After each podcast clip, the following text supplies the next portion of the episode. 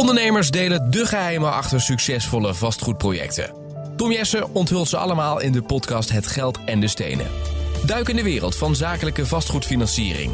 Luister nu op bnr.nl of in je podcast-app. BNR Nieuwsradio. Vastgoed gezocht.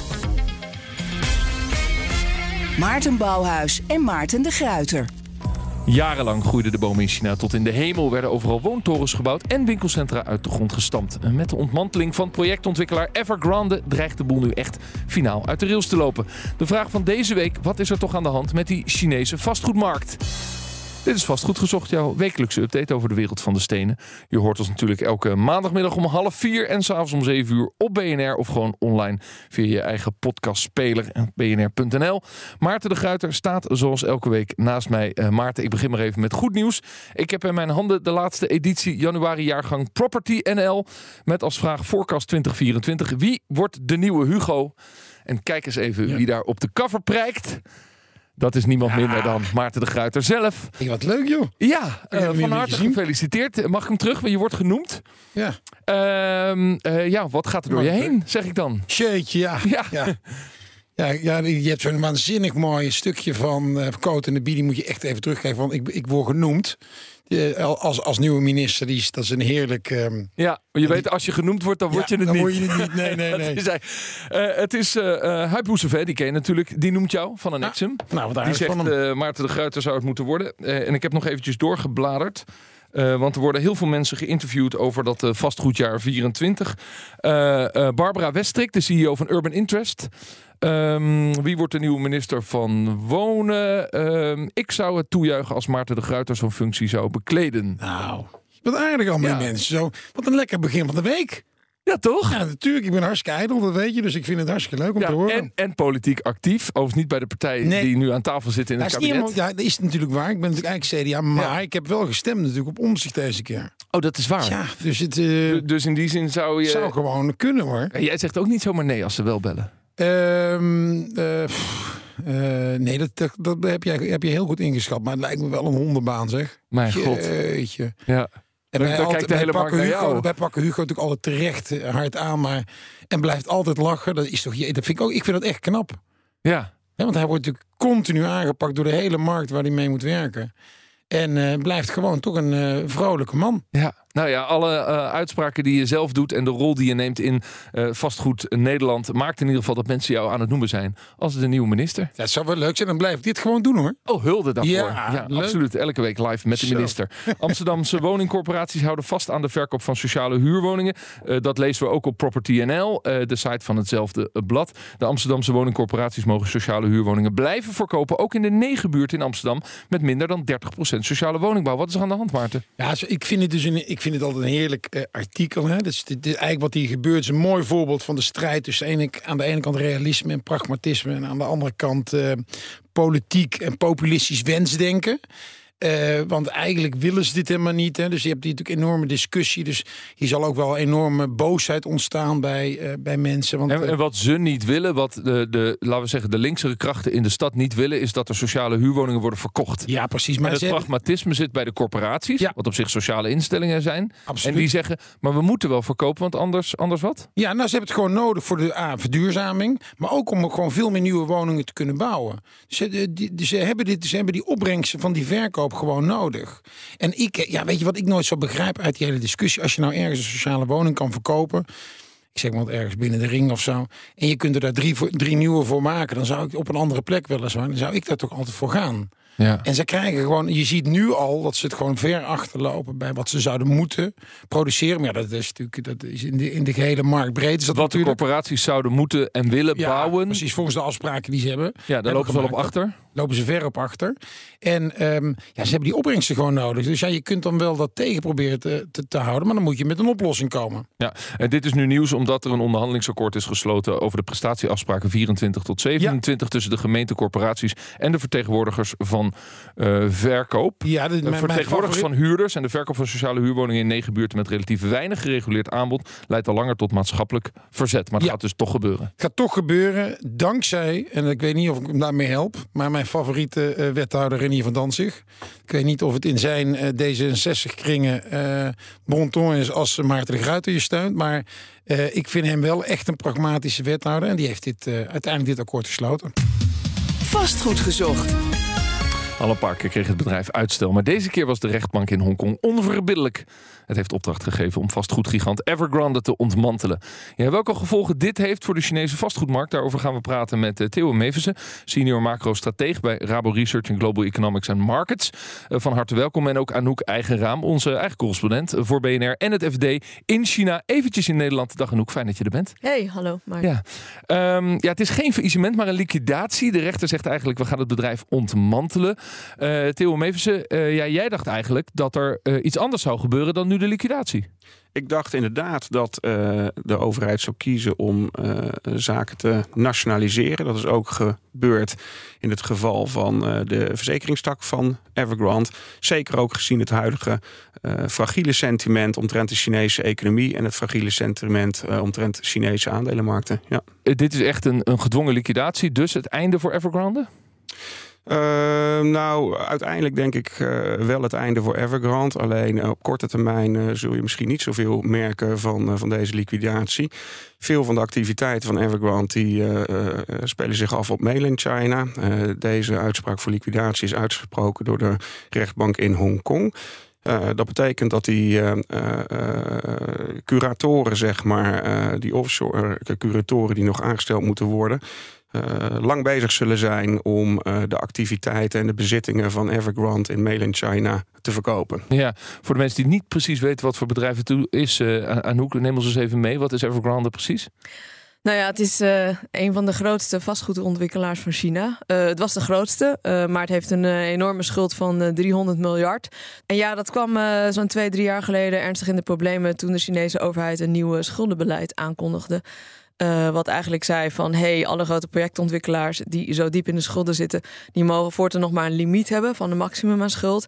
En dat bracht Evergrande en een aantal andere ontwikkelaars acuut in liquiditeitsproblemen. Ja, ja. Um, dat heeft de overheid inmiddels een beetje ja, um, laten varen versoepeld, die, die, die limieten. Maar ja, goed, toen kwam er gewoon een sneeuwbaleffect. Dat een aantal projectontwikkelaars wat kleiner onmiddellijk omvielen. Een aantal grote kwamen in een hele grote probleem, waaronder Evergrande. Um, en nu, um, ja, het, het, einde, dat, ik durf dat zelf nog niet helemaal te zeggen, eerlijk gezegd. Want het betekent gewoon dat deze uitspraak geldt voor uh, de bezittingen uh, van Evergrande in Hongkong en inderdaad het vasteland in China. Dat betekent dat ze het allemaal moeten gaan verkopen om de schulden dus af te lossen van de schuldeisers. Um, je kan natuurlijk voorstellen dat het heel moeilijk is als ze daarna nog verder willen. Maar in theorie is het mogelijk. Het is niet zo dus, dus dat ze al failliet verklaard zijn. Uh, dus ze zouden, ik weet het niet, een soort van afgeslankt, gestript bedrijf. He, ze hebben natuurlijk nog een heleboel projecten ja. die er zijn en die lopen. Ja, maar er roept dus... ook de vraag op dat als je dan uh, uh, bezittingen gaat verkopen, wat die bezittingen waard zijn. Om, om daarna dat bedrijf weer, weer gezond te, te hebben. Ja, er zijn schattingen dat hun bezittingen 220 miljard waard zijn. 220 miljard. Ja, en met hun schuld ja, zit op 300 miljard. Ja, en, en uh, wat je ervoor krijgt en wat het waard is, wil natuurlijk nog niet zeggen wat je ervoor krijgt. Er zijn analisten van Deloitte die eerder hebben gezegd tijdens de rechtbankzittingen in Hongkong dat er iets van 3,4% van zeg maar incasseringswaarde zou zijn. Maar, dus. maar, wat betekent dit dan eigenlijk? Dat ze, dat ze die pleister er maar heel langzaam aan het aftrekken zijn in plaats van gewoon meteen eraf trekken? Ja, nou ja, goed, dit zijn schuldeisers. Hè. Die hadden op een gegeven moment genoeg ervan. Die hadden overigens niet gevraagd per se hierom, maar die wilden gewoon wel hè, hun geld terug. Maar hadden niet uh, specifiek gevraagd om liquidatie. Uh, maar vroegen gewoon om een goed schuldenplan. Ja. En dat zou er in december al zijn en dat zou er eerder al zijn. En de rechter heeft nu gezegd: het is ook een keer tijd om te zeggen: genoeg is genoeg. Ja, en, en, en Theo, je, Maarten? Nou, in jouw artikel schrijf je ook dat hij zijn dat de, opricht, de villa van de oprichter was verkocht. En dan vroeg ik me af: is dat, een, is, dat, is dat gewoon een leuk nieuwtje voor je artikel? Of is dat echt, heeft dat ja. echt impact? Een van de ja. op, op het FD, uiteraard. Die ja, nou, de bank heeft daar eerder al vorig jaar beslag op gelegd. Dat geldt ook voor het hoofdkantoor in Hongkong. Uh, geldt ook voor een aantal andere bezittingen. Die zijn ook al deels verkocht of bevroren. in afwachting van wat er zou gebeuren. Dus er zijn al een hele hoop eh, dingen bevroren. Dus ja, het is, kijk, het is heel de vraag wat er uit die boedel dan nog komt. Wat is er waard? En, en, en wie krijgt er wat vervolgens? Hè? Want er zijn buitenlandse schuldeisers, er zijn binnenlandse schuldeisers. Ik, Nou ja. ik begreep dat er ook heel veel, dat, het- dat het model ook zo werkt, dat het heel veel eh, particulieren een woning kochten bij Evergrande. En dat met dat geld eigenlijk niet een nieuwe woning werd gebouwd, maar dat er weer werd geïnvesteerd in nieuwe posities. Ja, in, in China is het heel gebruikelijk ehm, dat zeg maar, nou ja, als ik een huis ga kopen eh, in China bijvoorbeeld, nou, ik kan er niet, ik ben buitenlander, dat is heel ingewikkeld, maar hè, je bent Chinees, je koopt een huis, dan koop je eigenlijk een huis eh, wat nog niet gebouwd is, vaak, eh, wat nog nou ja, helemaal in de stijger staat. Dus je zou kunnen zeggen dat al die projectontwikkelaars vaak op de POF. Weet je wel, werkten. Dus het is eigenlijk een soort van Ponzi-scheme. Ja, je moet 30 Dus- tot dus- 40 procent. Dus is de grote Ja. verliezer dan dadelijk gewoon eh, eh, de burgers, gewoon particulieren? Ja, in principe zijn dat eh, eh, nu ook al de verliezers. Hè. Er zijn eh, ook eh, op een gegeven moment mensen gezegd die zeiden van... nou, ik ga mijn hypotheek tijdelijk niet meer betalen... want ik heb dat huis nog niet en dat Ja. krijg ik misschien nooit meer. Eh, die zijn gedupeerd. Allerlei personeelsleden van Evergrande zijn gedupeerd. Die kregen vaak bijvoorbeeld een deel van hun salaris in aandelen... of in eh, stukjes van het bedrijf. Nou ja, dan kunnen ze natuurlijk, dat is natuurlijk nu ook bijna niks meer waard, kan je je voorstellen. Ehm, maar ja, het is, Ja, het dus, is dus die burgers die zijn echte verliezers. Laten we daar straks Ja. nog even naar kijken, want Ja. je hebt die ook ontmoet. Dus daar wil ik met je over praten. Welke impact, Theo, gaat dit hebben op de vastgoedmarkt in China? Nou ja, eh, niet goed, dat sowieso. Het vertrouwen ligt natuurlijk al laag. Aan de andere kant, ehm, kijk, de, de fundamentele problemen in die Chinese vastgoedmarkt, eh, die zijn, eh, die, ja, die, die zijn zeg maar echt, echt van belang. En daar staat Evergrande in principe buiten. Er is sprake van een enorm overaanbod. Er is sprake van daardoor enorme opge... Of tenminste, voorheen was er sprake van enorm opgedreven prijzen. Heeft inderdaad te maken ook dat voor veel Chinezen woningbezit ook een deel van hun pensioen is. En dat Chinezen beperkt zijn om met hun hoge spaarratio's die ze hebben, want Chinezen die sparen ongelooflijk veel, eh, om daarmee uit te wijken naar andere sectoren, bijvoorbeeld offshore markets, aandelenmarkten in het buitenland. Nou ja, als je daar dus niet in kunt investeren, maar je wil wel voor je pensioen sparen, wat doe je dan? Nou, stop je je geld in die vastgoedmarkt. Zeker ook omdat voor veel Chinezen die beurscrash rond 2015 ook nog vers in het geheugen ligt. Dus hè, die, die waren ook redelijk argwanend om weer eh, geld te investeren in die aandelenmarkten in China. Ja, ja. Ehm, en nu zie je inderdaad dus als, als, als finale uitwijkmogelijkheid dat in China eigenlijk steeds weer meer in goud wordt, eh, wordt gestoken. Grappig. Eén stapje terug in de tijd. De Chinese bouw- en vastgoedsector was nog niet zo lang goed voor een kwart van de economie van het land. Ja. Dat is ongelooflijk. Ja. Eh, de Chinese overheid, zelfs, ja. tot, kwart tot een derde, de Chinese overheid vond dat eigenlijk ook een ongezond Ja. risico. Wat hebben ze dan toen gedaan? Nou, ze hebben eh, inderdaad het eh, eh, beleid zeg maar, van de drie rode lijnen ingevoerd. Eh, zonder in groot detail te gaan. Dat zijn eigenlijk met betrekking tot eisen, nieuwe eisen, met betrekking van hoe die vastgoedbedrijven zich mogen financieren. Eh, dat heeft te maken met eh, eh, hoeveel cash je moet aanhouden voor korte termijn schulden. Hoeveel bezitting je moet hebben ten opzichte of schulden ten opzichte van je uitstaande aandelen, dat soort zaken meer. Eh, dat is inderdaad eigenlijk de trigger geweest, het begin van eh, eh, de crisis eh, die we nu al eh, sinds augustus 2021 zien. Maar als je maar in perspectief te plaatsen, er is geen land ter wereld waar het zo'n groot onderdeel van het BNP is. Hè? Ja, eh 25% eh, behoeft trouwens wel enige nuance. Daar zit ook wel echt de constructiesector Ja, bij. En ook precies. echt alle sectoren die eh, je enigszins kunt relateren aan die vastgoedsector. Dus ook bijvoorbeeld de meubelbedrijven, eh, financiële dienstverlening, Ja. dat soort zaken inderdaad.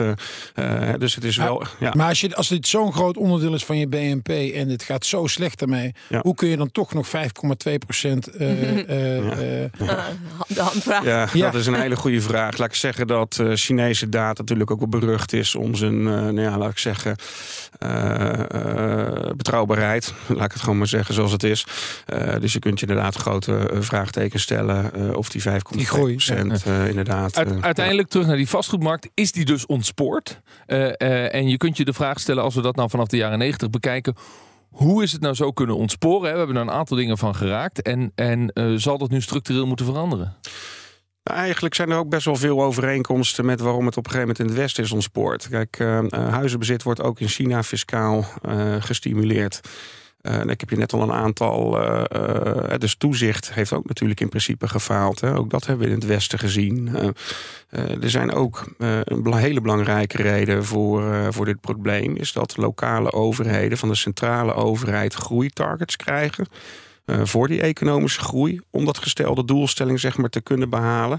Nou, wat gaan dan uh, lokale overheden doen? De meest makkelijke manier om die groeitarget te behalen... is te investeren in vastgoed en infrastructuur. Ja. En dat is dus ook gebeurd. En daardoor is er een enorm overaanbod uh, ontstaan. Anouk, en ik las en ook... in die lokale overheden trouwens dus nu met ook torenhoge schulden. Er zijn ja. een heleboel provincies die gewoon echt diep in de rode cijfers zitten en ook een enorme schuldenlast hebben. Um, nou ja, er zijn een deel verborgen schulden, maar dat bedrag is ook gigantisch. Ja. Ik las ook in een van jouw verhalen, Anouk, dat um, er in China een wet is dat mensen niet zomaar naar een andere stad uh, um, mogen gaan. Dus dat ze eigenlijk in de stad waar ze geboren worden of opgroeien, dat ze daar een leven moeten opbouwen. Dan worden daar dus woontorens neergezet, maar er zijn geen banen voor die mensen. Ja, nou dat is niet een wet. Dat is eigenlijk een soort van. Dat is je kan het vergelijken met China's basisadministratie.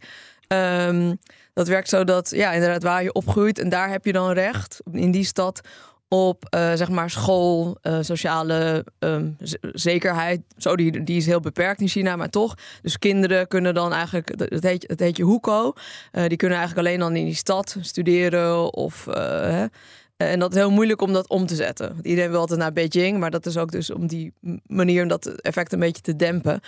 Uh, ja, Nee, dat klopt. Dus dat maakt het heel ingewikkeld. Daarom zijn natuurlijk ook eh, in allerlei steden zijn wel huizen gebouwd. Maar ja, niemand wil daar niet per se wonen. Precies, het is ongelooflijk. Dan bouw je dus wel. Hè? We hebben een bouwopgave. Gewoon bouwen, zeggen we dan. Ja, ja, maar ja, dan is er niemand die daar wil wonen. Nee. Uh, uh, dan heb je echt een... Wat heeft de overheid nou gedaan de laatste jaren om de boel weer op de rit te krijgen? Zijn er specifieke impulsmaatregelen geweest? Nou ja, zoals, ik, zoals we net, uh, net erover hadden, die drie rode lijnen. Er is dus één maatregel die ze hebben genomen om toch een beetje die groei in die sector te remmen. Maar je ziet toch uh, dat er nog steeds maatregelen worden genomen die eigenlijk als het effect hebben een verdere prijsstijgingen. Dus je ziet dat verschillende Chinese steden het percentage van de benodigde aanbetaling, waar we het net over hebben gehad, op, op, die, op die woningen, neerwaarts bijschroeven. Uh, dus dus, dus uh, je kunt je afvragen nogmaals of dat, of dat handige ja. beleidsmaatregelen zijn. Wat je verder ook ziet is dat ze voor de bankensector de reserve, reserve requirement ratio neerwaarts hebben aangepast. Dat betekent eigenlijk zoveel dat banken minder reserves hoeven aan te houden en dus meer leencapaciteit hebben. Ja, je kunt je ook dat jaagt bubbels alleen maar aan, toch? Ja, dat precies. weten we nou toch economisch wel? Nou ja, je kunt je inderdaad dus afvragen of dit soort uh, maatregelen inderdaad uh, het wenselijke effect gaan hebben. Ja. Zeker als je weet dat die banken ook met uh, natuurlijk een flinke portie slechte leningen in die sector... Komt het, komt het misschien ook omdat het waarschijnlijk de top van, van de partij ook zelf zit in al dat vastgoed en daar ook zelf allemaal belangen bij hebben? Anouk? Ja, dat, dat, dat speelt natuurlijk mee. Um, maar kijk, China is, is hè, je hebt een centrale overheid die kan een bepaald beleid hebben en dat moeten lokale overheden dan weer vertalen of uitvoeren. Maar ja, die hebben natuurlijk ook allerlei belangen zoals uh, jij ook al net zei van. Um, die hebben zelf vaak uh, geïnvesteerd via allerlei investeringsvehikels. Die mochten op een gegeven moment allemaal niet meer zoveel geld uitlenen. Maar dat deden ze dan via een omweg toch. Via allerlei andere in investeringsvehikels. Uh, en via lokale banken en dat soort dingen. Dus die zitten er allemaal in. En dus die hebben natuurlijk geen belang bij. Uh, omdat iets omvalt, een bedrijf. en bovendien, ze zitten krap. Ze hebben ook die, die doelen. Ze moeten ook groeien. Uh, dus ze kunnen niet heel veel anders. Want nee. ook lokale overheden hebben niet veel andere mogelijkheden om inkomsten te krijgen. Belastinginkomsten zijn relatief laag. Uh, dat is het ene. Heel veel andere mogelijkheden, zoals we hier in Nederland hebben, hebben ze niet. Een mooi gemeentefonds vanuit de centrale overheid is een beetje anders in China. De ontmanteling van de Chinese projectontwikkelaar Evergrande en de impact daarvan op de vastgoedmarkt in het land. Daarover gaat het vandaag, zoals je hoort, in vastgoed gezocht. Maarten de Gruiter staat natuurlijk naast mij. Theo Meversen van de Rabobank is onze gast. En Anouk Eigenraam, onze eigen correspondent in China. Ja, hoe wordt er in China gereageerd op het besluit van die rechtbank in Hongkong?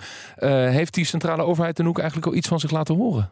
Nou, ik zag het vanochtend niet toen ik uh, mijn stuk aan het tikken was. Het zou kunnen dat er ondertussen iets komt. De CEO van het bedrijf heeft wel gereageerd. Uh, die heeft gezegd dat ze zullen meewerken en de wet zullen uitvoeren. in principe zouden ze in beroep kunnen gaan, bijvoorbeeld. Maar het lijkt er niet op dat ze dat gaan doen. Um, wat spannend is wel, is. Um, in hoeverre het, de Chinese rechtbank op het vasteland en de Chinese autoriteiten deze uitspraak ook gaan accepteren. In principe was er een soort van eh, protocol uit 2021, waarin er wel een soort van wederzijdse erkenning is van elkaars uitspraken. Hè? Ehm, en de rechter van Hongkong heeft gezegd: dit geldt voor alle bezittingen in Hongkong, maar ook op het vasteland. Uh, maar ja, dit is natuurlijk nu toch weer de vraag. Hè? In, in, in China, al die Evergrande uh, projecten waar het zit, dat zit vaak weer lokale, zelfstandige maar, Evergrande ja. Maar, maar heeft, heeft de, de rechtbank in Hongkong, heeft die nog steeds dan een andere speciale uh, status? Heeft hij geen juridictie over het vasteland? Of hoe moet het nee, in, in, principe, uh, nou ja, zij zeggen dus nu met deze rechtspraak, het geldt daarvoor wel. Maar ja, het blijft natuurlijk, Hongkong blijft natuurlijk nog steeds een apart, apart heeft, is een aparte gemeentelijke administratieve regio, zoals het van China. Heb je altijd zo die, ja, een beetje schizofrene scheiding, hè? van het hoort ook bij China, volgens China. Maar op dit moment is het dan toch weer apart. Um, als, wat, als het niet uitkomt, dan... Precies, ja. Uh, wat wel interessant is, is dat vanochtend uh, zag ik dus dat ook China en Hongkong, dus het Hoge Rechtshof van China en de Hongkongse ministerie van Justitie, hebben toevallig vandaag ook een overeenkomst getekend die zegt dat uitspraken in civiele en commerciële zaken dat ze die wederzijds zullen erkennen en uitvoeren. Ja, ja dat, nou, dat heeft hier duidelijk niet, mee te maken. Ja, dat kan niet anders. Ja, en dat ging ook direct in, geloof ik, hè? per direct. Per direct. Ja. Dus, ja. Nou ja, zoals gezegd, jij schreef uh, de afgelopen jaren veel over die Chinese vastgoedmarkt. En ja, we kunnen over de cijfers praten en over de, uh, laten we zeggen, de, de argumenten die erachter zitten waarom het nu ontspoort. Maar neem ons eens even mee, want je hebt dus gloednieuwe wijken, enorme woontorens, waar dus niemand woont. Uh, ik zie verhalen van mensen die daar dan maar gaan kraken. Het, en, en staat het land er nou vol mee? Concentreert het zich in bepaalde steden? En, en neem ons eens even mee in die wijken waar jij Mm. rondloopt en waar je ook mensen gesproken hebt. Ja. Nou, ja, je moet je voorstellen, ongeveer uh, zo'n 60% van de Chinezen woont nu in grote steden. Dat is ook echt een specifiek beleid van de Chinese overheid om zoveel mogelijk urbanisatie te hebben. Uh, en eigenlijk is het zo dat in elke stad waar je naartoe reist in China, als je daar bijvoorbeeld uh, aankomt rijden met de trein, dan heb je eerst ongeveer 20 minuten suburb, waar hele grote flats staan.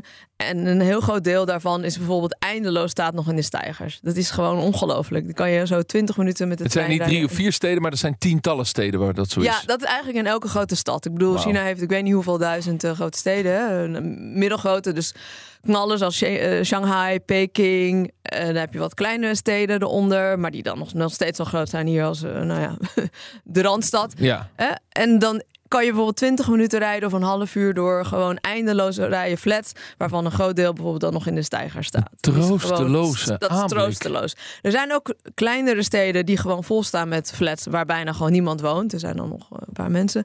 Ehm, ja, ik heb vorig jaar nog een verhaal gemaakt, onder andere, waarin ik weer eens ging kijken. ehm, in, eh, in een stad. Dat was in, eh, ehm, moet ik even nadenken, was het was geloof ik in Guangzhou?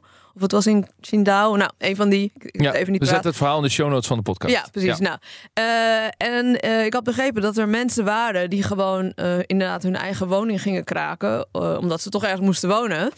Hun eigen woning die niet af was. Die niet af was, ja, die nog waar ze leeg wel stond. 40% van hadden Ja, aanbetaald. precies, waar ze hadden aanbetaald. Eh dus er was een groep mensen die bijvoorbeeld weigerden hypotheek te betalen. Was een aantal mensen die hun woning gingen kraken. Eh, toen dat bekend werd in Chinese media, gingen de autoriteiten die mensen daar toch al snel weer weg, wegjagen. Eh, maar uiteindelijk heb ik toch nog iemand gevonden die inderdaad in een appartementencomplex woonde. Nou, je moet je voorstellen, het was gewoon nog steeds een betonnen kolos. Was helemaal niks. Was helemaal leeg. Was gewoon een geraamte in feite. Eh, wel zaten wel ramen in en wat dan ook. En hij woonde op de begane grond. ehm, in wat waar vermoedelijk een soort van keuken, eh, toilet had moeten zijn. Dus eh, ja, hij sliep daar op een houten plank eigenlijk. waaronder bakstenen stonden. Ze hadden met behulp van wat vrienden... had hij daar wel een soort van water kunnen installeren... en een elektrische aansluiting. Eh, dus de keuken was een soort van ja, gaarkeukenachtige setting... met van die aluminium bakken. Ja, en het was heel troosteloos. En voor de rest was er niks in dat gebouw. Het stond helemaal leeg. Het is echt on- ongelooflijk Ja. dat het eigenlijk kan, hè Maart? Het is bizar, maar ik, ik weet nog het beeld van ik, niet heel lang geleden dat er in de, in de lobby van Evergrande eh, een heel aantal boze eh, mensen stonden. En eh, volgens mij, voordat in China mensen dat gaan doen. In, de, in dat systeem moet er wel wat gebeuren. Maar wat verwacht jij gaan. Want dit zijn dus heel veel gedupeerden. Komt er dan toch een soort van opstand? Gaan mensen heel boos worden? Of is, kunnen we, hoeven we dat niet te verwachten eh, in China? Ja, dat hangt er denk ik eh, heel erg vanaf van hoe ze, gaan dit, eh, hoe ze dit gaan afwikkelen. Ehm, kijk, de Chinese overheid zal wel proberen ook, want die hebben daar dus belangen bij en die zitten daar voor een deel in, hè, ook via lokale overheden. Dus ze zullen daar toch ook zeggenschap op hebben voor een deel hoe ze dat gaan afwikkelen. En je kan je voorstellen dat bijvoorbeeld hè, binnenlandse uh, schuldeisers en dat soort dingen, dat die belang hebben. En de overheid heeft ook tot nu toe al aangedrongen bij Evergrande, hè, de projecten die ze hebben lopen, uh, dat die moeten afgebouwd worden en dat soort dingen. Dus daar, ze hebben daar wel enige macht op over hoe dat hè, uh, gaat. Je kan je ja. voorstellen dat bijvoorbeeld buitenlandse schuldeisers een stukje achteraan uh, in de rij zullen, zullen zitten. Ja. In, in, nou, goed, kader, in dit kader is misschien ook nog wel uh, interessant om toe te voegen dat het feit dat zo'n project is afgebouwd ook nog niet heel altijd wat zegt over de kwaliteit van die panden. In China noemen ze dat genomen, zogenaamde tofu-gebouwen. Uh, dat zijn gebouwen die uh, ja, echt van, van uh, hele slechte kwaliteit zijn. En, en derhalve gewoon gevaarlijk zijn om in te wonen. waar je eigenlijk gewoon de, de, de plamuur van de muren kunt krabben. En waar je spijlen. Maar is het dan niet wachten op de eerste ramp? Uh, dat nou, er eentje ja, instort. Ja, die, die zijn ook gebeurd dat? ook. Ja. Dat lees ik alleen niet in de westerse je, ziet, je ziet toch als je Zo kijkt... nu en dan stort er ergens een hotel in bijvoorbeeld. Ja. Of zo. Maar wat je wel ziet in China ook weer... is dat de, toch de mensen die bovenaan deze bedrijven zitten... die gaan wel gewoon echt het gevangen in. Ja. Die, daar hoor je nooit meer van. Nou, de, de oprichter en eigenaar hè, staat onder een soort van huisarrest sinds uh, vorig jaar zomer. Uh, nou ja, inderdaad. Er loopt een uh, strafrechtelijk onderzoek uh, tegen Ja, de beste man. precies. Dus dan loopt het vaak niet goed met je af. Toch nog even oplossingsgericht. We zijn BNR. Het feit dat er die grote projectontwikkelaars met al die hoge schulden zijn. naar Evergrande dus als voorbeeld. Maar die staat er niet alleen in. Hoe wil China dit probleem nou economisch oplossen? Nou kijk, en een deel van de oplossing zit natuurlijk uiteindelijk gewoon ook in, in, in de pijn nemen. De, de, zoiets los je niet op zonder dat er verschillende partijen flinke pijn moeten nemen. Je ziet uh, toch dat ze in elk geval die bubbel langzaam leeg willen laten lopen. Zie je ook door het uh, beleid wat de centrale bank daar natuurlijk uh, voert. Hè. Er worden lijsten opgesteld van vastgoedbedrijven die door de overheid nog levensvatbaar worden geacht. Uh, nou, de, de, de, People's Bank of China, de centrale bank, heeft forse sommen geld uh, beschikbaar gesteld aan policybanks, overwegend policybanks, die dus uh, vervolgens weer die leningen mogen verstrekken aan uh, die vastgoedontwikkelaars die op het goede lijstje staan. Mm -hmm. uh, ja, ook, ook die zullen natuurlijk nog steeds hun verliezen moeten nemen. maar er wordt inderdaad wel geprobeerd om die bubbel gecontroleerd leeg te laten lopen. Maar is dat dan in jouw ogen nodig, omdat als je dat niet zou doen, dat het een systeemcrisis nou, dat, kan dat... betekenen voor de Chinese economie en daarmee dus ook voor een stukje wereldeconomie? Uh, nou, inderdaad, als je dat ongecontroleerd laat imploderen, dan uh, krijg je natuurlijk nog meer paniek in de markt. Uh, mensen weten niet welke banken welke vastgoedschulden op de balans hebben staan. Ja, dan zou je dus inderdaad wel eventueel een Lehman uh, momentje kunnen krijgen. Want dan gaat het om de mar in de markt gaat het dan om de onzekerheid van welke bank heeft wat. Ja, noem het maar, noem maar een zeker. momentje. Lehman. Maar is, ja, is dit, is, ja, maar is dit, die, die bubbel is volgens mij nog veel groter dan wij ons kunnen voorstellen. Uh, als dit zou plaatsvinden, als, dit zou, als deze situatie zou zijn in een, gewoon in een normale open economie met een, in een democratisch land, dan zou het toch, zou het toch de ramp onoverzichtelijk bijna mee zijn. Nou ja, in die zin en dan nog ook even als antwoord op de vorige vraag. Uh, natuurlijk zal het impact hebben op de uh, globale groei. Het verschil alleen tussen het Lehman-moment en wat er nu in China zich voltrekt, is dat het grootste gedeelte van die schulden ook in China geconcentreerd en niet buiten, zijn. En niet buiten Amerika, Precies, zoals exact. Lehman. Ja. In tegenstelling tot inderdaad die mortgage-backed securities, die uh, echt. Jawel, jawel maar ja. het is op het moment dat een economie zo erg afhankelijk is van uh, vastgoed en dat is dat ontploft of implodeert, dan gaat dat toch zijn effect hebben op de hele economie Zeker, en dus ook ja. op het buitenland. Absoluut. Uh, nou ja, dus, dus nogmaals, het, het, het zal uiteindelijk qua uh, vraag zal het ook impact hebben. Uh, de Chinese consument die consumeert al vrij weinig en houdt ja. eigenlijk steeds meer de hand op de knip. Ja. Dat betekent dus uiteindelijk inderdaad ook minder vraag naar Europese westerse goederen. Maar nogmaals, het, het, het, het zal toch met name inderdaad, dat is het, ik wil alleen eigenlijk het verschil aangeven tussen een eventueel Lehman moment en wat er zich nu in China afspreekt, is dat het minder impact zal hebben op de rest van de wereldeconomie dan we bij Lehman hebben gezien. Maar dat betekent niet, absoluut inderdaad niet. Hè, dus daar heb je gelijk. En dat betekent nog steeds dat wij ook wel, uh, uh, zeker bepaalde sectoren in het Westen die leveren aan die vastgoedsector.